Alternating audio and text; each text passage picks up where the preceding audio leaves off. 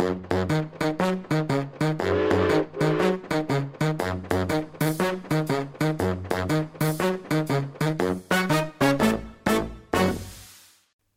er det kanskje på tide å eh, ønske alle lytterne, både gamle og nye, et eh, hjertelig godt nytt år, og velkommen til nok en episode i podkasten Ekspedert. Vi skal prøve å formidle god historie også dette året 2023.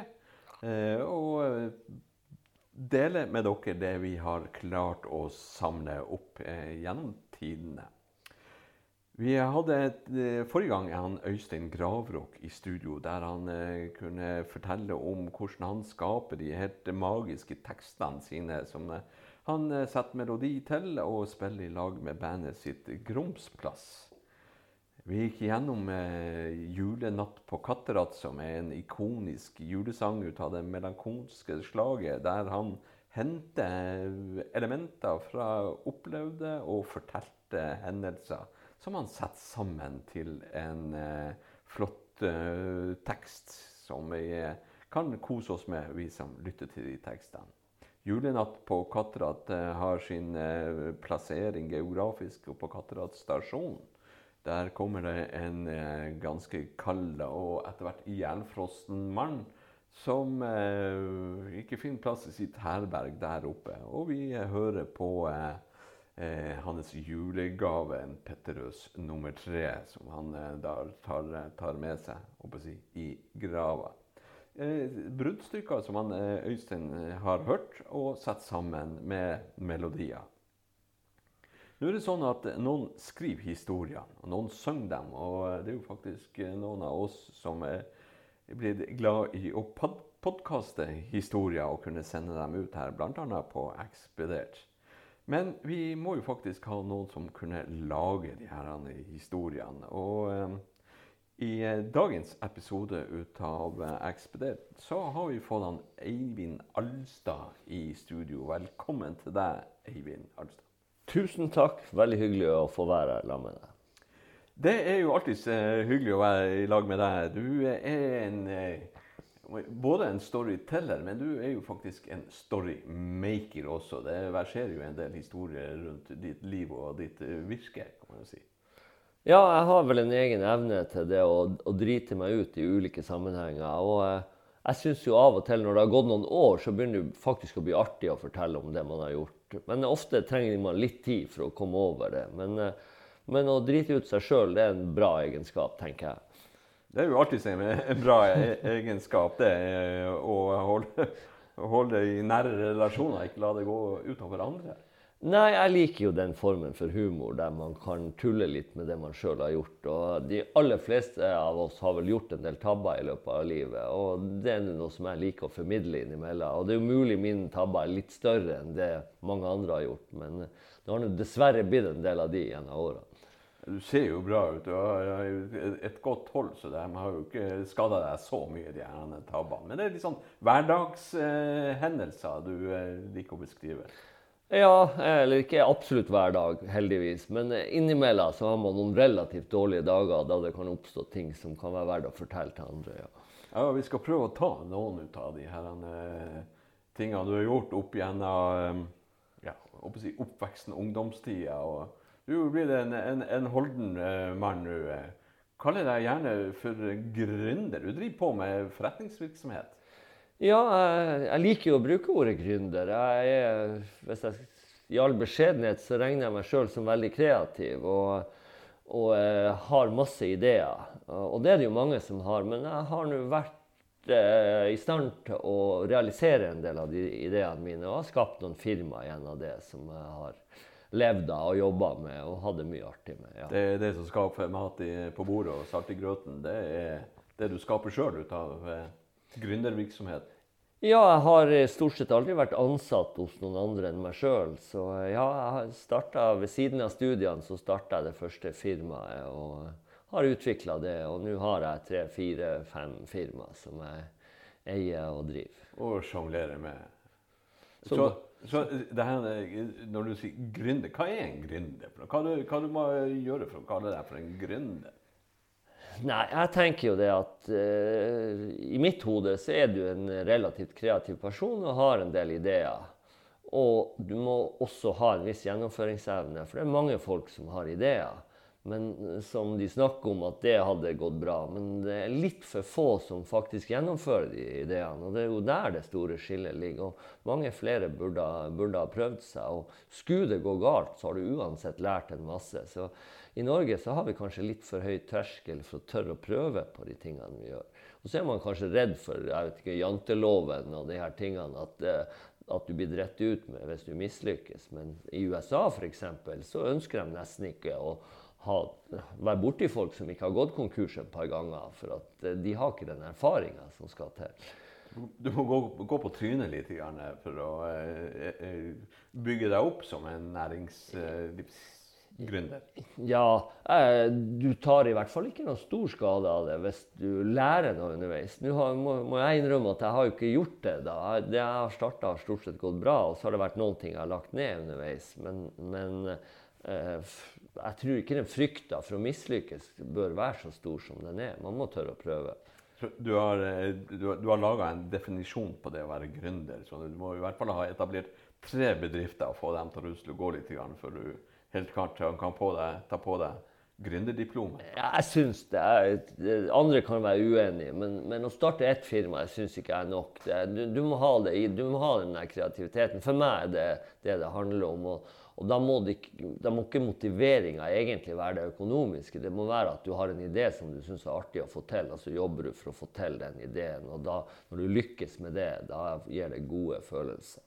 Eh, det er jo ikke så artig å høre på folk som lykkes. Det er jo veldig artig å høre på folk som mislykkes. Nå du tar igjen gründerideen. Er det noen ting som har gått rett i vest og i dass? Å ja, jeg har nok drettet meg ut en god del. Nå skulle jeg jo ønske at du ikke var interessert i å høre om de tingene. Men, men eh, ikke, ikke, sånn ekstremt. Men jeg har tapt penger på ting stadig vekk. Da, og det tror jeg man må regne med å, å gjøre. Jeg har nå drevet alt fra radiobingo på Lørenskog til import av eh, keramikk fra Polen og gensere fra Tyrkia. og ja, det er ikke alt som har gått eh, like bra. Jeg starta til og med et data-IT-firma en gang. Eh, da alt bare ramla sammen, og det gikk ikke bra. Men, eh, men unngått konkurser og lært noe underveis. Og starta mye som har gått bra. ja.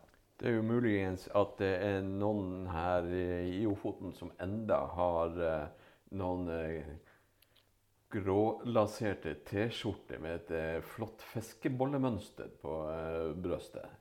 Kan du si noe om det? Ja, det kan jeg gjerne gjøre. Det var mens jeg var student. Og så ble jeg så forbanna, for da kom Greenpeace og skulle ta den norske hvalfangsten.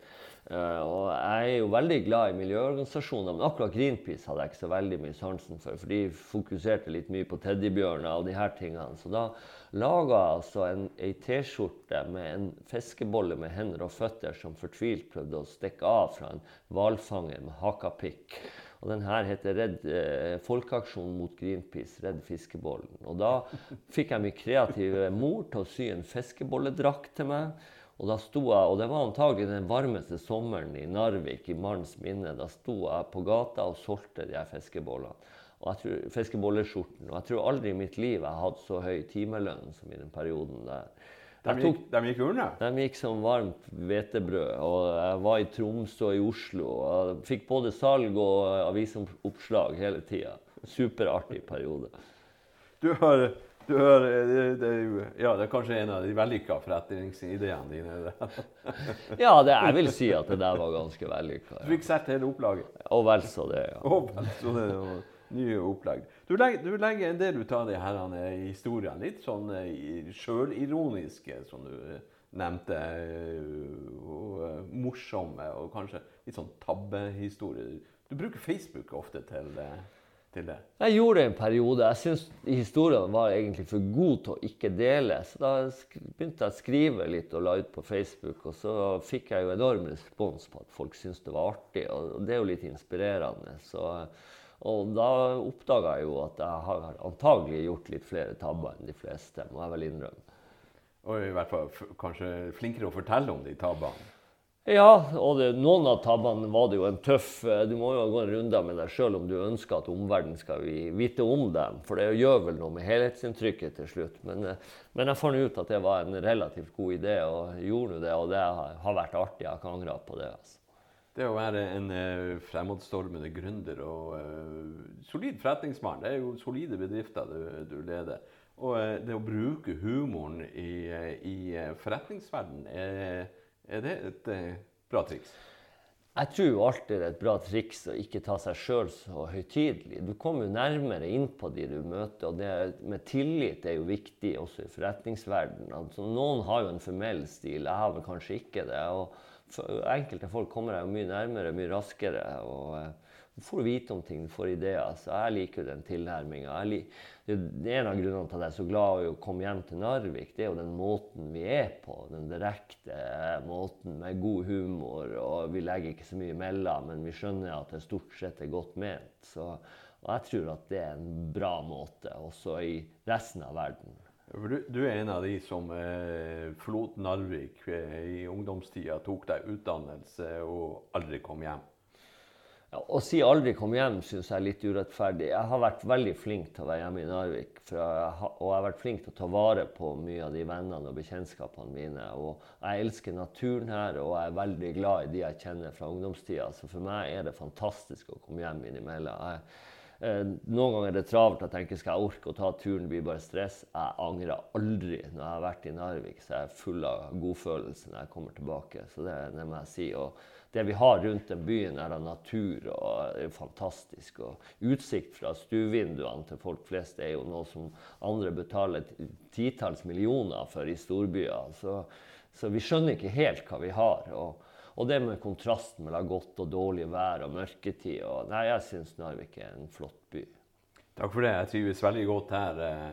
Eh, du, du, du havna jo eh, Du havna inn på Folkets hus, eller eh, Kulturhuset på, på scenen der med en, sånn uh, standup også. Ja da. Eh, jeg har jo alltid likt å si noen ord i festlig lag og i bryllup. Og eh, syns det har fungert bra. Og så kom jeg jo i snakk med en par stykker som er ganske flinke her i byen. Geir Nygaard og Hansi. Så ble vi enige om at vi skulle jammen prøve å gjøre noe i lag.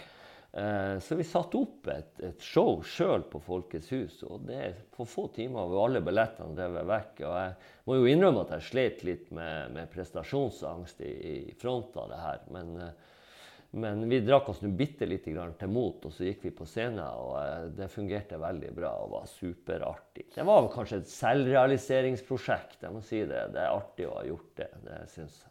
Det kan hende nå når eh, koronaen etter hvert har eh, roa seg, at vi får eh, deg opp på scenen flere ganger. Ja, vi får se. Jeg er åpen for tanken, ja. Så eh, artig om man får det til. igjen. Vi skal, En tidligere episode vi hadde her rundt Narviks flyplasshistorie, så der han, eh, Roar Kristiansen eh, snakker litt annet om polarfly og de flygningene som var rundt omkring her. Så, så nevner han i den episoden eh, der, eh, der eh, fotballklubben Nord, som spilte rundt omkring i hele Nord-Norge, kamper De fikk det litt bråttom med, med tid, og i et tid personers fly, så lasta de inn hele laget for å rekke denne kampen her. Han Roar eh, sier det at eh, høyt oppe i lufta under, under, ferden så kommer piloten ut bak til, eh, til passasjerene og eh, småprater litt med passasjerene. Og det er en av passasjerene som stusser noe veldig og det her, Om piloten kommer ut og bak og prater med passasjerene, hvem er det som styrer flyet nå? Og eh, da kan man fortelle at eh, jo, nei, det er jo bare Karsten Alstad som har fått lov å overfly litt. Grann. Eh, Karsten var jo far din, da. Stemmer Har du hørt denne historien? Ja, den har jeg hørt, og den har han fortalt flere ganger. Og det han sier, er at eh, da de hørte det der, så begynte folk å rive og slite i dørene og ville hoppe ut. ja, det kan jeg tenke meg. Men han var jo frempå og var en kjeftsterk mann og var vel en ambassadør for Narvik-humor overalt hvor han var. henne. Så det er jo en kjent historie. Og for meg er jo akkurat det med Narvik Nord og det her eh, veldig viktig. Og det, det, er mulig det her var på, på turen i 64 til Bodø, da, da Nord spilte landsdelsfinale mot Bodø-Glimt. Og, eh, og, denne kampen ble jo overført på Narvik kino. Der satt jo folk og hørte på. Da det var 20 minutter igjen av kampen, så leda Glimt 4-0. Da begynte folk å gå. Så ser de en stund etterpå, så kommer, så kommer, flyet tilbake og vifter med vingene og greier. Og folk var forbanna. Hva faen er det de holdt på med her? De må drette seg ut i Bodø.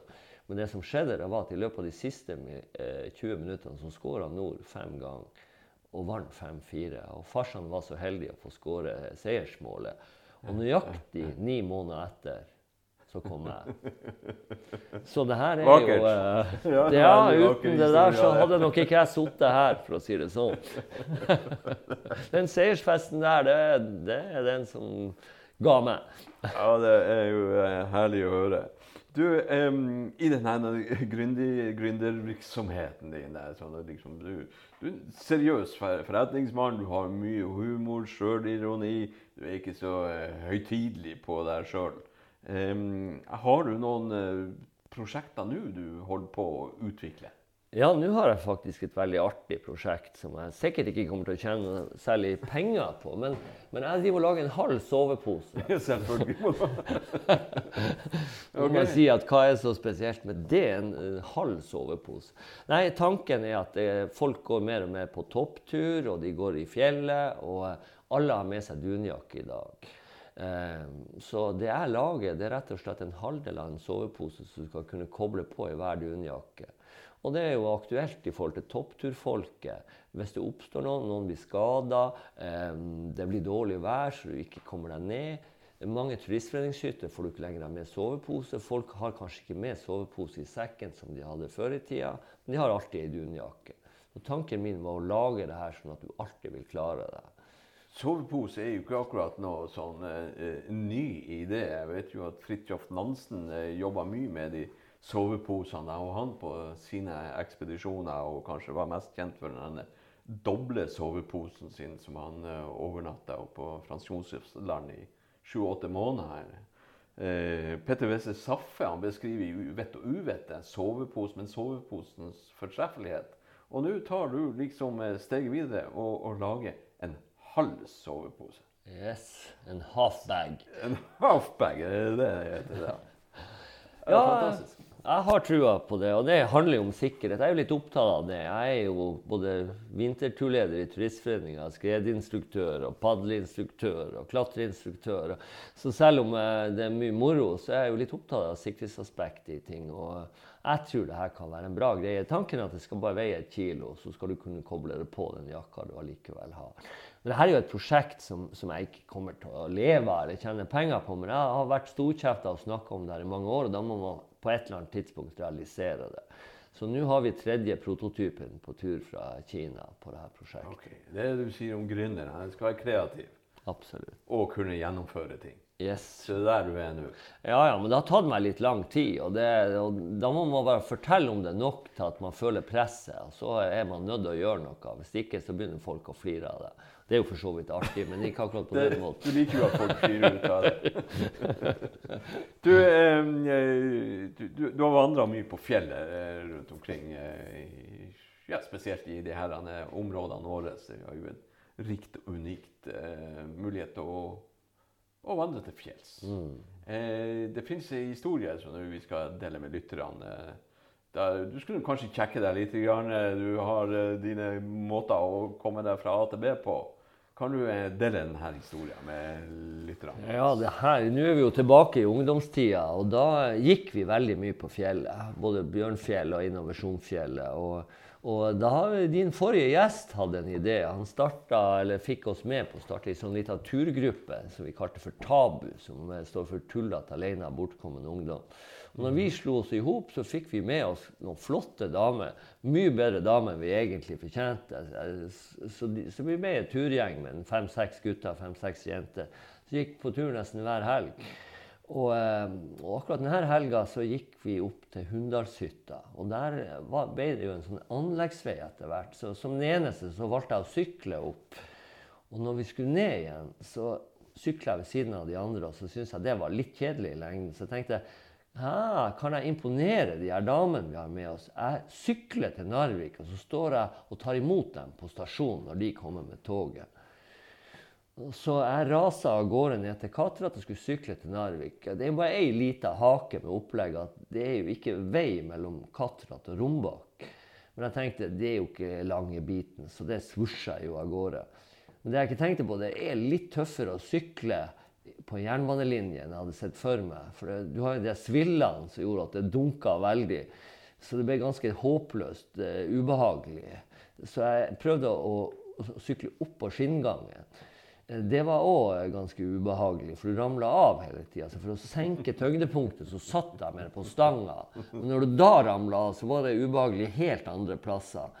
Eh, og, og, i tillegg så er det jeg tror det er fire ganske lange tunneler på strekninga. Og jeg hadde ikke helt sett for meg at det var så mørkt inni de tunnelene. Det burde man kanskje ha gjort, men, men det hadde ikke jeg gjort. Og det jeg i hvert fall ikke hadde sett for meg, det var at man ikke skulle høre tog. For jeg tenkte jeg kom jo til å høre tog i jævlig god tid hvis det skulle komme. Men det, lyden blir dempa. Så inni en av tunnelene så møter jeg altså et motgående tog. Og det jeg tenkte da når jeg så opp, det var jeg ansetter dem folk som ikke er helt gode som, som lokførere. For han så helt gal ut. Han lokføreren klemte trynet mot ruta. Så helt steine tullete ut. Jeg rakk jo å hoppe av og klemme meg inntil tunnelveggen mens det toget passerte forundra over det her. Men, men, prosjektet mitt gikk ganske dårlig. Punkterte underveis. Det tok mye lengre tid. Eh, så jeg fant ut at mitt beste håp var rett og slett å rekke til Rombak før toget med de andre kom. Så jeg måtte bare sykle på. Etter hvert så begynte jeg å høre toget til de andre fløyte på tur inn i tunneler bak meg. Så jeg rekker altså akkurat frem til Rombak før toget kommer etter. Og da står jeg altså søkksvett bekksvart av malmstøv på en stasjon uten vei. Ut av toget stormer en lynforbanna konduktør som var blitt oppringt over radio om en tulling på, på tur på sykkel gjennom tunnelene. Kommer ut og konfronterer meg om jeg er han der idioten på sykkel i tunnelene. Jeg står der og blånekter midt på en stasjon uten veiforbindelse. Det var med et nødskrik jeg kom meg inn på det toget der. Var, jeg vet ikke om jeg scora hos damene. Min gjetning er nei. Og når, og når, konduktøren kom, det var vel en av Ness-guttene, som straff så klepte han både tur og retur på billetten min. Og for å prøve å bevare, bevare litt ære, så, så, kalte han for en jævla kleptoman. Men ikke så høyt at han hørte det. Jeg var mer enn happy for å få være med toget ned. Veldig bra, Eivind. Veldig bra, Eivind. Eh, du har bestandig vært glad i å sykle, men kanskje ikke like, like god, gode sporvalg. Eh, det sies at du er førstemann med sykkel på Tøttatoppen også. Jeg husker ikke om jeg var først, men jeg og Trond Halvorsen, som da var, han spilte vel elite i håndball, kom på en god idé. Vi satt på kroa og tok oss en par øl, og det svekker jo dømmekraften av og til. Og vi fant ut at vi morgenen etter skulle ta og sykle opp på Tøttatoppen. Jeg husker vi var nede og fikk lånt sykler av sportssenteret. Dette var jo før offroad-perioden, så det var jo bare litt avanserte racere. Og eh, hvor mye vi sykla, eh, skal jeg la være usagt, men det var ikke mange meter. Så i realiteten bar vi hver vår sykkel opp på Tøtta, og så sykla vi nå tre meter og fikk tatt noen bilder. Men så vidt jeg vet, er det ingen andre som har vært der med sykkel. Og det artige var jo når vi var på tur ned, så møtte vi et gjeng med svensker som har gått opp på Tøtta og nærmet seg toppen, var rimelig sliten. Det er jo en lang tur. Så vi eh, lirer ut av oss idet vi møter dem. Å ja, dere skal opp her. Det er jo synd dere gikk denne veien, for det går sykkelvei opp på andre sida, sa vi. Vi så bare geipen ra ramla ned, for de kunne jo ikke tro at noen var idiotisk nok til å bære sykler opp der. Så det var en artig tur. Ja, artige turer blir det, og um, artige fortellinger. Ja, ja, ja. Uh, du er jo ikke bare en storymaker, men du er en god storyteller også. Takk for det. Jeg takker deg hjerteligst for at du ville komme her opp i studio på Narvik museum og fortelle oss det her og dele historiene dine med alle lytterne våre. Det har vært veldig hyggelig å være her. Så eh, takk for at du inviterte meg. Så skal jeg prøve til neste gang å komme opp med noe bedre tabber. Vi får vente på nye og forbedra tabber av han eh, Eivind Alstad, som har vært eh, dagens eh, gjest her i eh, Ekspedert. Jeg har vært eh, vertskap, og jeg heter Jon Framnes. Og jeg takker alle dere lyttere hjerteligst for at dere eh, ville høre på denne episoden av Ekspedert. På gjenhør.